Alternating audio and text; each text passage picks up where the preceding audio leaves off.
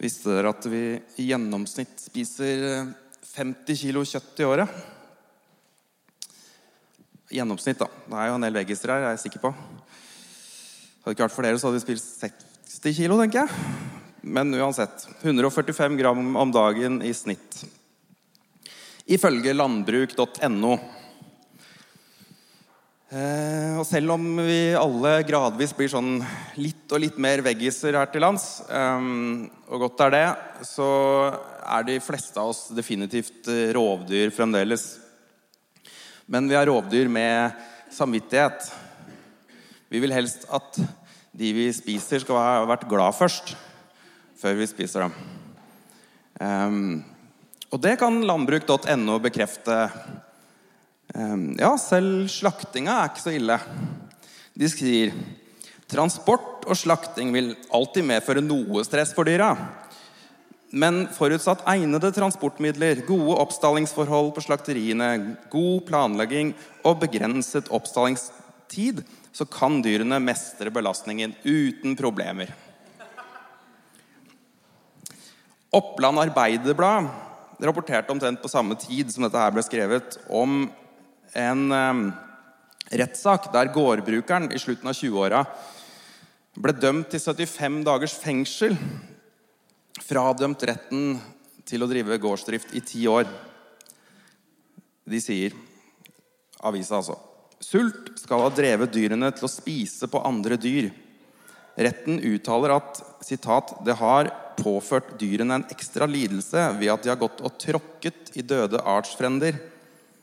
Det må også antas at de gjenlevende ble utsatt for særlige farer for sykdom ved at de var omgitt av kadavere som de til dels spiste av selv. To sider av kjøtt der, altså. Bibelen er full av kjøtt. Både bokstavelig kjøtt og billedlig kjøtt. På gresk heter kjøtt bl.a. sarks. Sarks er altså muskelmassen hos mennesker og dyr. Muskler, sener, trevler og fett. Bibeloversettere har klødd seg i huet når de skal prøve å oversette sarks, fordi sarks som regel er åpenbart en metafor. Visstnok så var ordet sarks et av de mest omdiskuterte ordene i Bibelselskapets 1978-oversettelse, skriver Anders Askim i boka 'Bibelen 3.0' bak Bibelen 2011. I ordet sarks folkens, så møtes en rekke problemstillinger av språklig, teologisk og kommunikativ art. For sarks er altså som regel en metafor i betydningen av kroppen, menneskenaturen, synden og ting i den gata. Det er også et annet ord som oversettes til kropp og menneskenatur på gresk, og det er soma. Soma er også kropp. Men det er et eller annet fundamentalt forskjellig mellom soma og sarks. Når Paulus skriver sarks, da mener han alvor. Bare smak litt på ordlydene. Det forklarer nesten seg sjøl. Sarks. Du kan nesten se for deg blod og gørre. Soma, derimot, høres litt mer forfengelig ut. Soma er sarks nervøse samboer som ser urolig på klokka. Blir av Sarksa? Sarks er liksom typen som kommer blodig hjem fra puben, finner fram billigwhiskyen og tar en slurk rett fra flaska før den legger seg. Anders Askim skriver videre om Sarks at ordet brukes billedlig. Og så sier han her er det ikke muskler det dreier seg om, men om noe mer abstrakte drivkrefter i menneskelivet. Det skjuler seg rett og slett et mørkt dyp i Sarks sine øyne. Et urgammelt fall. Sarks er definitivt et bønnebarn. Så hvordan har bibeloversetterne løst denne doble betydningen opp igjennom nå kommer det en eh, liten sånn undervisning her. 1904, første norske bibeloversettelse. Da het Sarks 'kjød' uansett. Sto det Sarks, oversatte man 'kjød'. I 1930 begynte det å skli ut. Der f.eks. Jesaja i 1904 profeterte at 'Herrens ild skal fortære både sjel og kropp', så sto det i 1930 både rubb og stubb. I 1978 tok det helt av.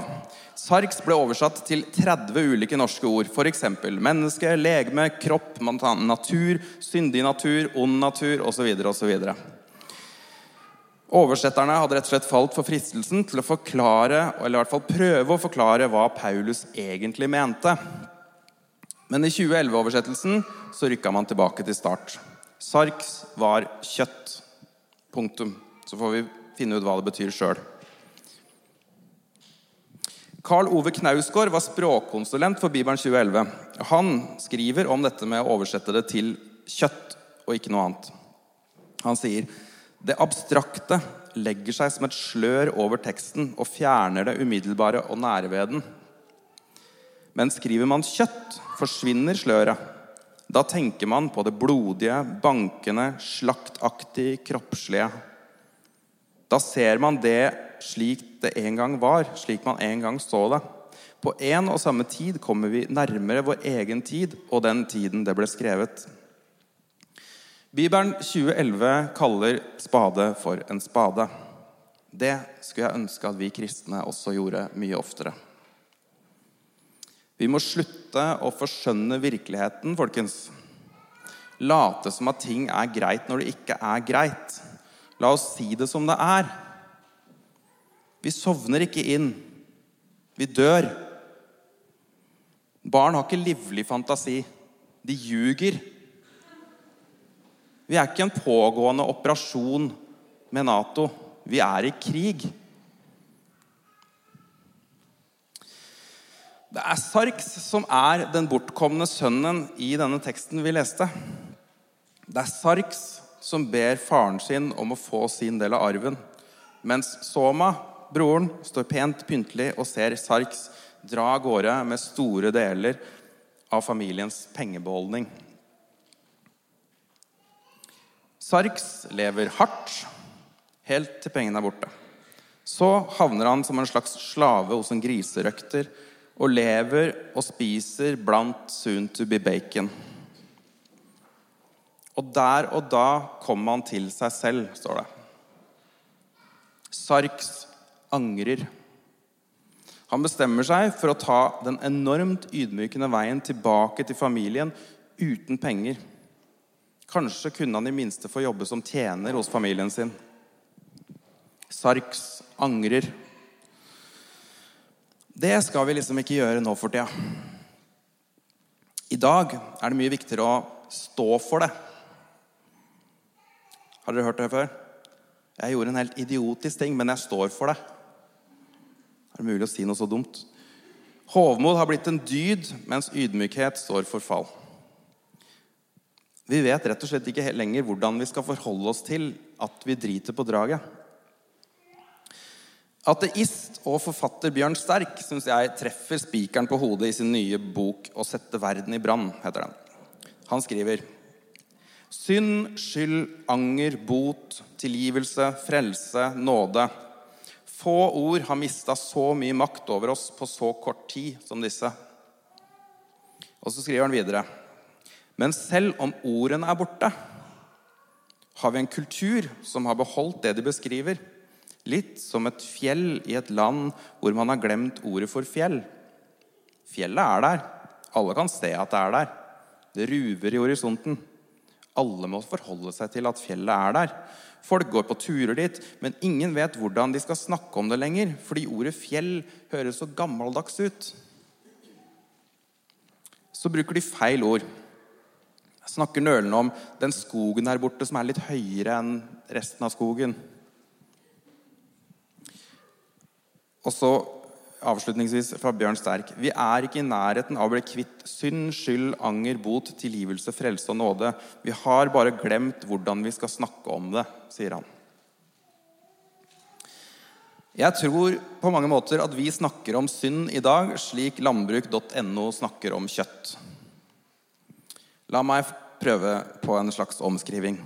Å gjøre idiotiske og destruktive ting vil alltid medføre noe stress for menneskene. Men forutsatt egnede bortforklaringer, dyktige terapeuter, god planlegging og begrenset selvinnsikt kan menneskene mestre belastningen uten problemer. En som har gjort en strålende jobb med å plukke fra hverandre begrepet synd, det er en som heter Francis Bufford i boka 'Unapologetic'. Han kaller synd, eller det vil si synden i oss, for sitat på engelsk 'the human propensity to fuck things up'. Menneskets tilbøyelighet ja, Nordlendingene ville sagt 'til å kuke det til'. Eller 'fucke det opp'. Det, vi sier vel det på norsk òg i dag. Dere skjønner hvor jeg vil. Tendensen vi har, Slipper vi rattet, så går det gærent. Vi har den tendensen i oss. Men vi vet altså ikke hvordan vi skal snakke om synd. Dessuten så har vi heller ikke noe sted å gå med synden. Eller syndserkjennelsen, bekjennelsen. Blant annet fordi pietistene for 200-300 år siden kasta skriftestolen på huet og ræva ut av kirka og kalte det f.eks. en satanstol og helvetes pøl. Det var ikke så mye økumenikk på den tida. Og med fraværet av bekjennelse og skriftemål i kirka så har fasadekristendommen fått lov å vokse seg stor. Da kan man høre folk si 'Hvorfor skal jeg gå til kirka når jeg har det vondt?' Da får jeg det jo bare enda verre. Edin Løvaas, guruen Edin Løvaas, retreat-guruen, skriver om dette problemet i en artikkel. Han sier at vi lar synderen med all sin nød stå alene uten å innøve erfaringen av å ta imot nåden. Da blir ordene om nåden for de mange nokså luftige. De fleste prester går ikke selv til skriftemål. Dermed bygger de en usynlig vegg også for menigheten. Hvor lenge kan vi tillate oss denne sjelesørgeriske nådeløsheten? Jeg tror og mener sterkt at vi burde få skriftestolene tilbake i kirka. Vi må begynne å bekjenne for hverandre, snakke sant om livet våre, bekjenne og så få tilgivelse og få blanke ark og fargestifter til. Et sted som ikke har kasta skriftestolen ut, ikke helt akkurat direkte en skriftestol, men det er omtrent det de gjør, det er anonyme alkoholikere. Anonyme narkomane osv. Der står de og bekjenner for hverandre all mulig dritt de holder på med, mens folk litt ler og litt griner og klemmer hverandre litt sånn om hverandre underveis. Ikke minst etterpå. Kanskje en av de mer gode beskrivelsen om et sånt møte eh, jeg har lest, er i boka 'Fight Club'. Der er det riktignok ikke anonyme alkoholikere. Han går, på, han går på anonyme alt mulig rart. Eh, fra møte til møte til møte. For han har liksom funnet svaret eh, på disse møtene der folk sitter og bekjenner for hverandre. Han sier da Nå må det bli litt på engelsk her. This should be my favorite part. Being held and crying with Big Bob without hope. We all work so hard all the time. This is the only place I ever relax and give up. This is my vacation. Og så sier han videre Walking home after a support group, I felt more alive than I'd ever felt. And I slept. Babies don't sleep this well. Every evening I died, and every evening I was born, resurrected. Dette er bekjennelse. Skriftemålet er rett og slett, tror jeg, den mest konkrete formen for Guds omfavnelse som vi har i dag. Jeg tror at vi som kirke sitter på en enorm mulighet. Et enormt ettertrakta verktøy i samfunnet i dag. Skriftemålet, tror jeg, er skatten i åkeren. Perlen som kjøpmannen solgte for å få eie surdeigen som sprer seg ut i resten av deigen og gir vekst.